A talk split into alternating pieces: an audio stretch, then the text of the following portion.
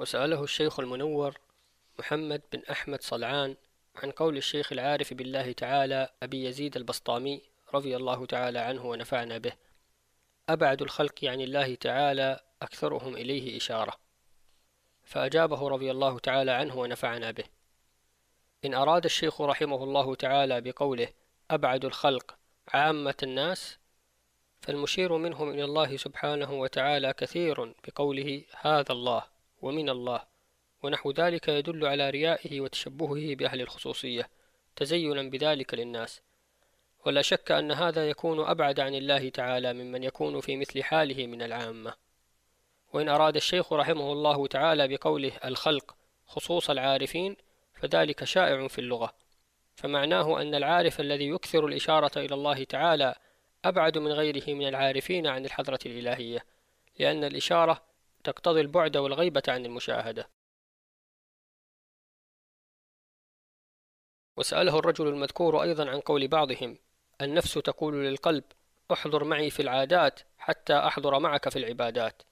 فأجابه رضي الله تعالى عنه ونفعنا به هذا يكون من قول النفس المطمئنة للقلب المنير.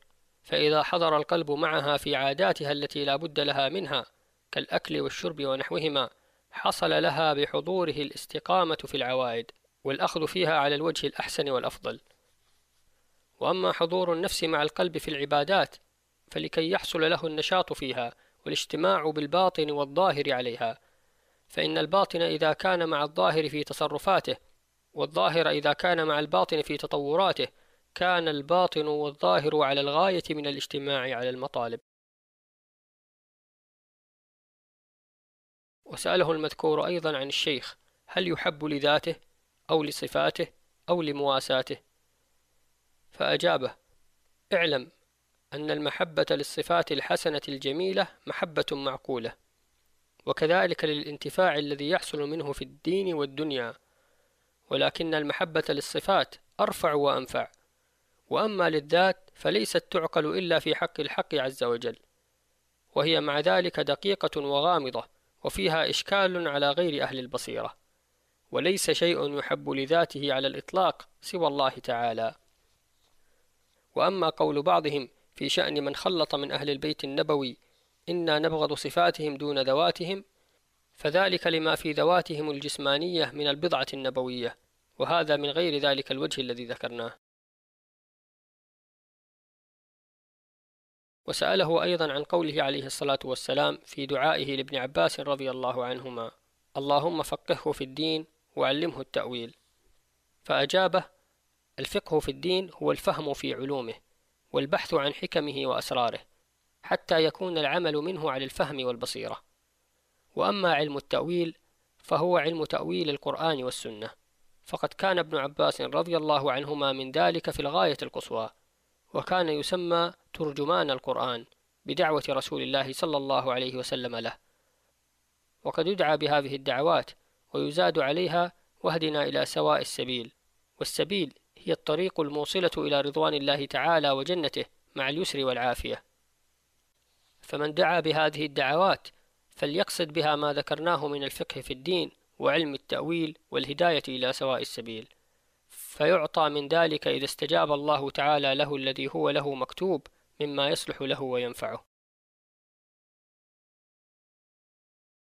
وسأله أيضا عن قوله عليه الصلاة والسلام عن الله تعالى من شغله ذكري الحديث فأجابه الذي يظهر أن المراد حال المستغرق في الذكر الذائق فيه المستهتر به الذي صار شغله وديدنه فإن لم يكثر الدعاء في خلال ذلك لم يفته بذلك شيء مما يحصل للداعين المكثرين من الدعاء بل يعطى أفضل مما يعطاه السائلون لأنه مشغول بالله تعالى وبذكره ليس بالأغيار ولا بالحظوظ.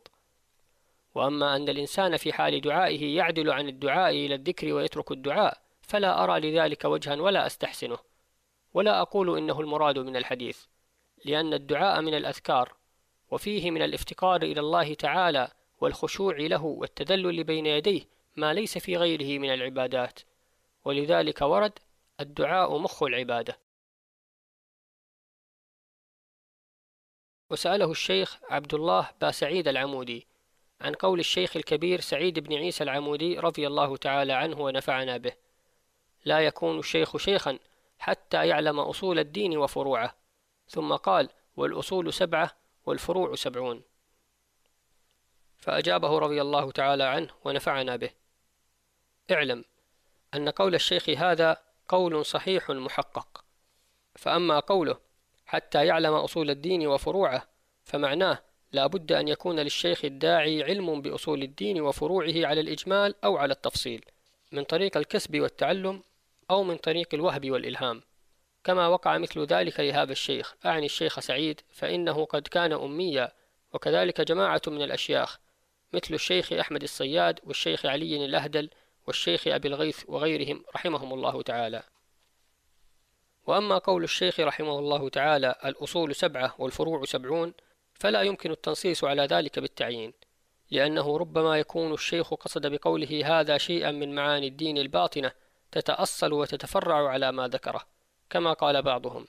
لا بد للشيخ من إقامة الفريضة والسنة ثم قال الفريضة محبة المولى والسنة الزهد في الدنيا أو كما قال فحاصل كلام الشيخ أنه لا بد للشيخ من علم بأمور الدين على الوجه الأكمل في الباطن والظاهر وقد ورد ما اتخذ الله من ولي جاهل ولو اتخذه لعلمه.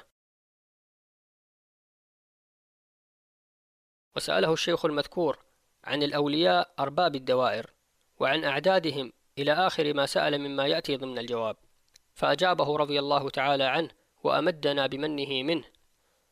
قد ذكر طرفا من ذلك الشيخ الإمام عبد الله بن أسعد اليافعي في أوائل روض الرياحين فراجعوه. وقد سئلنا عن هذه المسألة فأجبنا عنها بما تقدم. الجواب في هذا الكتاب وفي بعض الرسائل. وأما أول من أقيم في رتبة القطبانية فقيل إنه الحسن بن علي رضي الله عنهما. وقيل أبو بكر رضي الله تعالى عنه ثم على ترتيب الخلفاء ثم الحسن ثم الحسين. ثم زين العابدين هكذا قيل. وأما آخر من يقام فيها فالمهدي الفاطمي عليه السلام الذي يكون في آخر الزمان. والقطب عبارة عن أفضل رجل من أهل الإيمان في كل زمن وبقية ما سألتم عنه مذكور في روض الرياحين على الإجمال. وأما تفصيل هذه المسألة فيستدعي بسطا كثيرا وبعض ذلك من العلوم التي لا يجوز إيداعها الكتب. وسأله أيضا عن قول بعضهم إن إنكار كرامات الأولياء رضي الله عنهم كفر وبعد قول العلماء فيه إنه بدعة إلى آخر ما سأله عنه مما يأتي ضمن الجواب. فأجابه رضي الله تعالى عنه وأرضاه وأخلى قلوبنا بحقه عما سواه.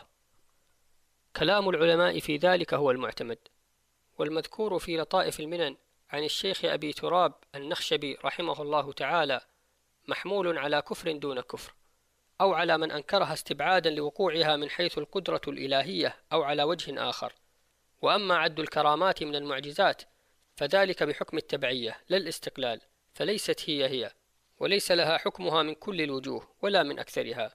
إذ المعجزة تدل على صدق الرسول والكرامة الصادرة من الولي المستقيم على الشريعة تدل على صدقه في حسن متابعته لنبيه. ثم يدل ذلك على أن الشرع المتبع له حق وصدق. فمن هذه الحيثية قالوا إن كل كرامة لولي فهي معجزة للنبي الذي يكون ذلك الولي من أتباعه. فكم من فرق على هذا بين الكرامة والمعجزة؟ فافهم. وسأله أيضا عن سؤال الملكين الكريمين لأهل القبور وهل السؤال منهما أو من أحدهما؟ وبأي لغة؟ وهما اثنان أو ثلاثة؟ وهل يتطورون ويتصورون بحسب تطور أحوال الموتى؟ فأجابه رضي الله تعالى عنه أما سؤال الملكين فهو صدق وحق لا شك فيه وذلك كله لا يحتاج إليه بعد اليقين بكون السؤال حقا. وقد ورد في بعض ما سألتم عنه آثار ضعيفة والمعتمد هو الإيمان بسؤال الملكين فقط.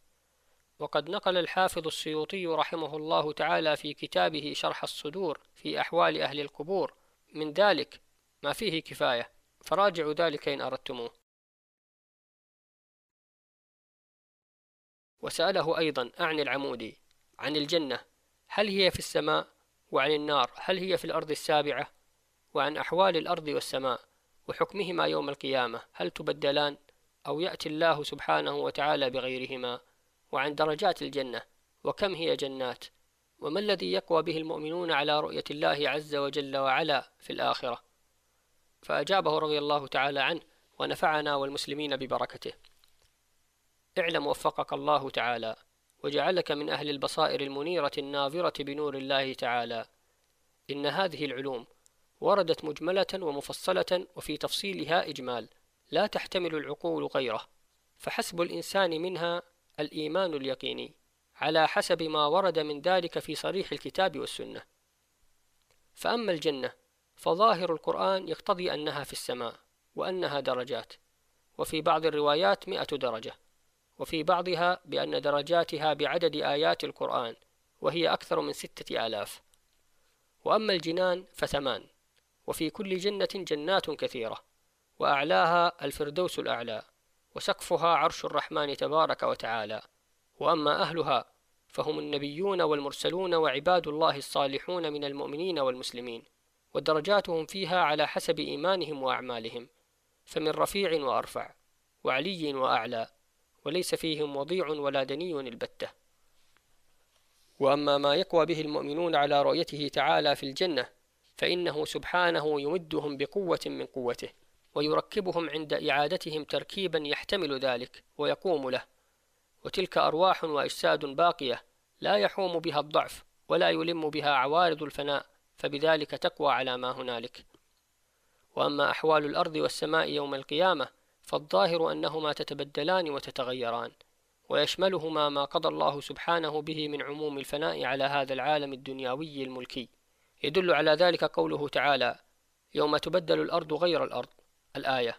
وقوله تعالى فإذا انشقت السماء الآية.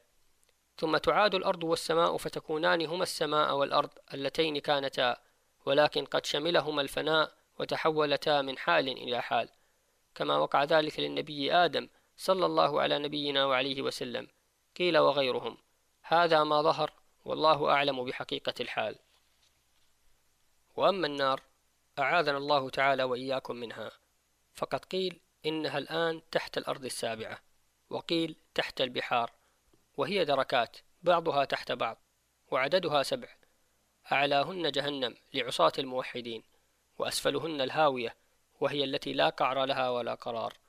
فإذا كان يوم القيامة وبرز الملك الديان لفصل القضاء بين خلقه جيء بعرش الرحمن ثم جيء بالجنة فجعلت عن يمينه وجيء بالنار فجعلت عن يساره ودعي الخلق لفصل القضاء والحساب ففريق في الجنة وفريق في السعير وقضي بينهم بالحق وقيل الحمد لله رب العالمين. وفي الكتاب والسنة تفصيل ما ذكرناه في نص الآيات الكريمات والأحاديث النبويات. فتتبعوا ذلك وتدبروه وتمسكوا بما ذكرناه من هذه الجملة فإن فيها خلاصة المقصود. ومن يؤمن بالله يهدي قلبه ومن يهدي الله فهو المهتدي. وسألته نفع الله به عن الإيثار هل هو عام في أمور الدنيا والآخرة أم هو خاص بأمور الدنيا مما للنفس فيه حظ ورغبة؟ هذا حاصل السؤال فأجابني. اعلم أن الإيثار بحظوظ الدنيا وشهواتها من الفضائل العظيمة وقد درج على ذلك السلف الصالح والخلف المقتدون بهم ولهم في ذلك الحكايات الكثيرة العجيبة. وقد ذكر الإمام الغزالي نفع الله به ورضي عنه في كتاب ذم المال من الإحياء طرفا من ذلك وذكره غيره أيضا. وأما الإيثار بأمور الآخرة من القربات الدينية فلا نعلم أحدا ممن يؤخذ بقوله يقول بذلك ولا يراه. لأن ذلك يشبه الزهد في القرب من الله تعالى وفي طلب مرضاته وهذا شيء أعني العمل بالقرب ينبغي المسابقة فيه ويطلب المسارعة إليه والمزاحمة عليه. وفي نوادر حكايات لأرباب الأحوال من أهل التصوف مما يومي إلى شيء من ذلك ولكن صاحب الحال يسلم له حاله مهما كان صادقا فيه ولا يقتدى به في حاله. نعم ومن القربات أشياء فيها أخطار. ويكون البعض أصلح لها من البعض وأحق فقد يتأخر عنها بعضهم لخطرها وليقوم بها من هو أحق وأقوم بها منه. وذلك مثل إمامة الصلاة ومثل إمامة الخلافة ومثل الفتيا في العلم ومثل تدريسه. وأشياء كثيرة تشبه هذه الأمور. وإذا دققت النظر في أحوال المؤثرين فيها لغيرهم على أنفسهم رجع فعلهم ذلك إلى طلب القرب من الله تعالى. والتوقي من سخطه بالتعرض للأخطار وما لا تؤمن السلامة معه في الدين. وسألته أيضا عن وقت أذكار الصباح والمساء. متى يدخل؟ ومتى يحسن العمل بما ورد في ذلك؟ هذا حاصل المقصود من السؤال. فأجابني رضي الله تعالى عنه ونفع به. أما وقت الصباح والمساء فعلى حسب ما ذكروه من أن المساء يدخل بالزوال. والصباح بما بعد نصف الليل أو الثلث الأخير منه. وأما إقامة الأذكار الواردة في الوقتين فكلما كان في المساء إلى الليل أقرب مثل وقت الإصفرار ومن أول الليل كان الإتيان فيه بالوارد أحب وأقرب إلى مطابقة الحال. وكذلك الصباح من قبيل الفجر فما بعده إلى الإشراق. وعلى هذا السبيل نعمل في إقامة ما نأتي به من هذا الورد الشريف. وسألته أيضا عن المسح الوارد عنه عليه الصلاة والسلام عند النوم بعد القراءة والنفث وهل ينبغي للإنسان أن يعم جميع جسده ولو مع التكلف في بعض الجسد؟ لأن في لفظ الحديث وما استطاع من جسده فأجابني رضي الله عنه ونفع به. الظاهر أنه مهما مسح بيديه مجتمعتين على جسده حسب ما يقرأ وينفث لم يستطع أن يمسح بذلك جميع جسده فليمسح ما يستطيعه. كذلك يبدأ بهما على رأسه ووجهه وما أقبل من الجسد.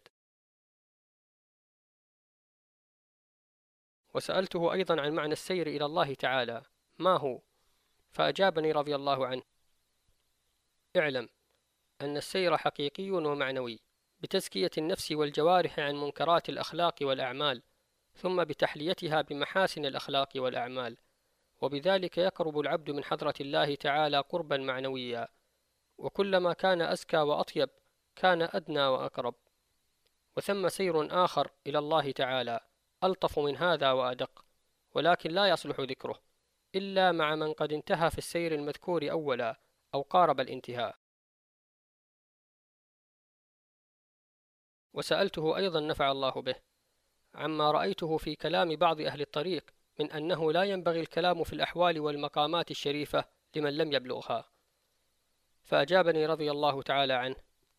كذلك ولكنه مخصوص بالمريد السالك للطريق الذي لم يتحقق بعد بتلك الأحوال والمقامات فإن كلامه فيها وسؤاله عنها ربما يدخله في شيء من التصنع والإعجاب والتكلف والتزين للناس وما في معناه مما يحط السالك عن حد السلوك أو يشوشه عليه ولم يجيز له من ذلك إلا السؤال عما نازله من المقامات أو ورد عليه من الأحوال. وأشكل عليه حكمه. فله في ذلك السؤال من شيخه إن كان وإلا فمن أهل الطريق مطلقا أو من كتبهم إن لم يظفر بأحد منهم. هذا حكم هذه المسألة على الإجمال. وسألته أيضا نفع الله به عن الواقف بين يدي الله جل وعلا في صلاة ونحوها إذا خاف على نفسه أنه إذا استحضر الحضرة الإلهية أن يغلب عليه من التعظيم ما يشوش عليه ما هو فيه من الصلاة ونحوها أو خاف على نفسه من سوء الأدب عند استحضار تلك الحضرة بشيء من خواطر التكييف أو التشبيه. فأجابني رضي الله تعالى عنه. أما من خاف المعنى الأول فعليه أن يستحضر بقدر ما يحتمل قلبه من ذلك حتى يخرج الأمر عن اختياره فيعذر إذ ذاك. وأما الثاني فيستحضر أن الله تعالى يراه وأنه محيط به ومطلع عليه ولا يستحضر بالفكر والتكلف أنه يرى الله سبحانه وتعالى. يأمن بذلك إن شاء الله من وقوع أمثال تلك الخواطر التي تعرض في التمثيل والتشبيه لمن ضعفت معرفته بجلال الله تعالى وتقديسه سبحانه بطريق الذوق والمشاهدة لا بطريق الاعتقاد والنظر. وسألته أيضا نفع الله به عما استقبحوه من المريد من طلب الكرامات والمكاشفات كما ذكر ذلك في رسالة المريد. فأجاب رضي الله عنه ذلك من مخافة أن يصير يجتهد ويدأب في العبادة لطلبها فيكون من جملة طلبه الحظوظ الدنيوية والأغراض النفسانية. هذا إذا كان يطلب الكرامات الصورية من طي الأرض والإخبار عن المغيبات وأشباه ذلك. فإن كان يطلب الكرامات الحقيقية كزيادة الإيمان واليقين والتحقق بالزهد في الدنيا والرغبة في الآخرة وأمثال ذلك كانت رغبته فيه محمودة لأن ذلك من الحق والدين الذي يطلبه ويرغب فيه. وسألته أيضا نفع الله به عن قول الإمام الغزالي رحمه الله تعالى في باب الشكر من الإحياء إن الملائكة المقربين أكثر قياما بالشكر لله تعالى من الأنبياء عليهم الصلاة والسلام أو كلام نحو هذا قريب. بما يقتضي أو يوهم تفضيل الملائكة عليهم. فأجابني رضي الله تعالى عنه اعلم أن ذلك قول لبعض أهل السنة وقد قيل إن الإمام الغزالي رحمه الله تعالى منهم والجمهور على خلاف ذلك القول. وأقول إن كلام الإمام الغزالي رحمه الله تعالى في هذا المحل وفي غيره مما يوافقه هو قول بالأفضلية من بعض الحيثيات وأحسب أن ذلك كما يقول رحمه الله تعالى ولا أستجيز أن أنبه عليه لأنه من العلوم الإلهية السرية والذي عليه العمل هو قول جمهور أهل السنة وعليه الإمام الغزالي كما يدل عليه كلامه في مواضع يقصد منها تحقيق ذلك. وسألته أيضا نفع الله به عن الذكر والدعاء بالأسماء العجمية لمن لا يعرف معناها. والذكر بياهو ياهو إلى آخر ما هذا حاصله. فأجابني رضي الله تعالى عنه إنا قد ذكرنا لكم شفاها أن مثل ذلك إذا وقع في خلال أدعية المحققين من العارفين الجامعين بين العلم واليقين مثل الإمام الغزالي والشيخ السهروردي والشيخ أبي الحسن الشاذلي وأضرابهم نفع الله بهم ورضي الله عنهم فما على الذاكر بذلك والداعي به من بأس وهم مقلدون فيه. وهم أهل التقليد والأمانة. وأما إذا وقع في كلام من ليس بهذه المثابة فلا ينبغي أن يذكر به حتى يعرف معناه فإنه ربما كان ذلك كفرا أو قريبا منه كما قاله بعض المحققين. وأما الذكر بياهو ياهو فلا ينبغي إلا للمستغرقين كما قاله الشيخ زروق رحمه الله تعالى. إلا إذا وقع في كلام أهل التحقيق فإن الإنسان فيه متبع غير مدع ولا مبتدع. وسألته نفع الله به عن معنى قول الشيخ القطب السيد أبي بكر ابن الغوث الأعظم السيد عبد الله بن أبي بكر العيدروس علوي رضي الله عنهما ونفع بهما في قصيدته التي أولها سكر المحب وما به سكر إلى أن قال في أثنائها الله يفعل ما يشاء من ممكن أو مستحيل وقد رأيت في ذلك كلاما لبعضهم لم يتحرر فأجابني رضي الله تعالى عنه كان الذي أشكل منه قوله أو مستحيل بعد أن علم وتقرر من اصطلاح علماء الكلام في التوحيد أن المستحيل ما لا يتصور وجوده ولا يجوز. والذي يظهر لنا في معنى كلام الشيخ هذا أن مشيئة الله تعالى لو تعلقت بالأمر المستحيل لوجد وكان ولم تعجز قدرته الغالبة عن إسناده ولكن لا تتعلق المشيئة الإلهية بالأمر المستحيل أبدا. وقد أفهم الشيخ رحمه الله تعالى هذا المعنى بقوله يفعل ما يشاء فلو شاء لفعل ما يشاء ولكنه لا يشاء المستحيل فلذلك لا يكون. وعلى هذا السبيل يفهم قوله تعالى لو أراد الله أن يتخذ ولدا لاصطفى إلى آخر الآية والولد مستحيل في حقه تعالى فلذلك لا يريده عز وجل. ويحتمل قول الشيخ رحمه الله تعالى معنى آخر وهو أن يكون أراد بالمستحيل ها هنا الأمر الذي تستبعد العقول وجوده من الجائزات. واللسان العربي منطلق بتسمية ذلك محالا كما يقال كثيرا لبعض الأمور المستبعدة هذا محال وهذا من المحال ومثل ذلك سائغ في اتساعات العرب ومجازات كلامهم. ويحتمل قول الشيخ رحمه الله تعالى معنى ثالثا لا يجوز ذكره إلا بإذن إلهي لأهله. لأنه يدق فهمه وتكل أكثر العقول عن إدراكه. هذا ما ظهر لنا في معنى كلام الشيخ نفع الله به. وسألته نفع الله به عن معنى قول سيدنا الإمام علي بن أبي طالب كرم الله وجهه ورضي عنه ونفعنا ببركته. أحيوا مجالس الطاعات بمجالسة من يستحيا منه فإن ذلك أشكل إلى آخر السؤال.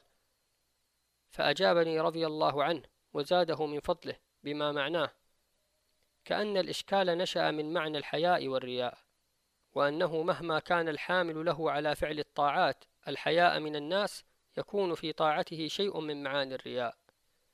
ولكن ليس الرياء من الحياء في شيء فإن الرياء أن يعمل الإنسان الطاعة يطلب بها المنزلة عند الناس والمكانة لديهم لطمع في مالهم وجاههم. وأما الحياء فهو انقباض يجده صاحب الطبع الكريم عند موجبه ينبعث به لفعل الخيرات وترك الأمور المستقبحات وكثيرا ما يحصل عند مجالسة الصالحين. وفي الحديث استح من الله تعالى كما تستحي من رجل صالح. وفي ضد ذلك يقول ابن سيرين رحمه الله تعالى رأيت الشر كله في مجالسة من لا يستحيا منه. وبلغنا عن أنس بن مالك رضي الله عنه أنه قال لمن قال له في استتاره عن الناس لما رآهم منصرفين عن الجمعة وقد فاتته لا يستحيي من الله تعالى من لا يستحيي من الناس وربما أنه رفع ذلك إلى رسول الله صلى الله عليه وسلم. ولكني شككت في ذلك الآن فلذلك لم أجزم برفعه لخطر الكذب على رسول الله صلى الله عليه وسلم وشدة الوعيد الوارد على فعل ذلك. وسألته نفع الله به عما إذا رأى الصبي هل يحبط ثوابه؟ وما حكم ذلك؟ فأجابني رضي الله تعالى عنه اعلم أن الصبي ممن رفع عنه القلم حتى يبلغ فليس يأثم إذا رأى ولكن إذا رأى بطاعة حبط ثوابه وبطل أجره لأنه مع الإخلاص يثاب عليها. وقد قيل إن ثواب أعمال الصبي يكون في صحائف أبويه. ولو قيل إن الإثم في ريائه يتعلق بمن يجب عليه إرشاده من أب أو ولي ونحوه حيث لم يرشده إلى الإخلاص لم يبعد فإنه يجب عليهم أن يأمروا صبيانهم بفعل الواجبات من الصوم والصلاة ويمنعوهم من المخالفات كالزنا وشرب المسكر وللشرط حكم المشروط ويطول النظر في أمثال هذا السؤال وفيما ذكرناه كفاية. وسأله نفع الله به الشيخ العفيف عبد الله ابن أحمد الزبيدي عن حكم من يعمل على رجاء الثواب. فأجابه رضي الله تعالى عنه بأن ذلك رجاء محمود وسعي مبارك مشكور وعليه يعمل السلف والخلف من صالح المؤمنين فإن العبد خلق ضعيفا فقيرا لا غنى به عن فضل ربه الغني الكبير. هذا جملة الجواب والكلام يطول في تفصيله ولكننا نذكر من ذلك طرفا يسيرا فنقول العاملون لله تعالى على ثلاثة أقسام. فمنهم من يعمل خشية العقاب وهم الخائفون. ومنهم من يعمل على رجاء الثواب وهم الراجون. ومنهم من يعمل امتثالا للأمر وهم العارفون.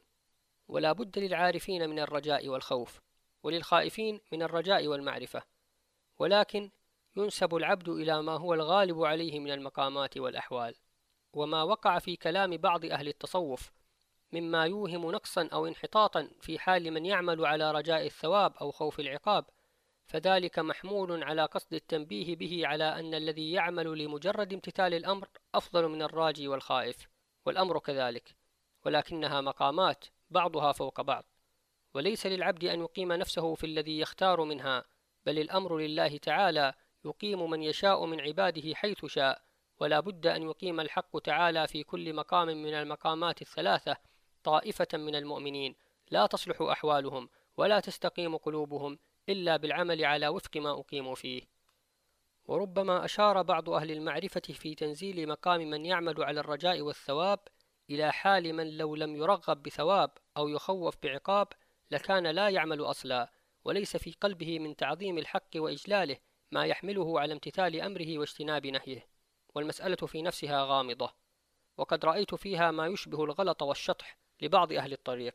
ثم أقول العمل على امتثال الأمر وابتغاء الرضا والقرب حسن جميل والعمل على رجاء الثواب والرهبة من العقاب حسن جميل. والجامع من أهل الله تعالى هو الذي يعمل على المقامات الثلاثة بالتمام والكمال ولكنه عزيز.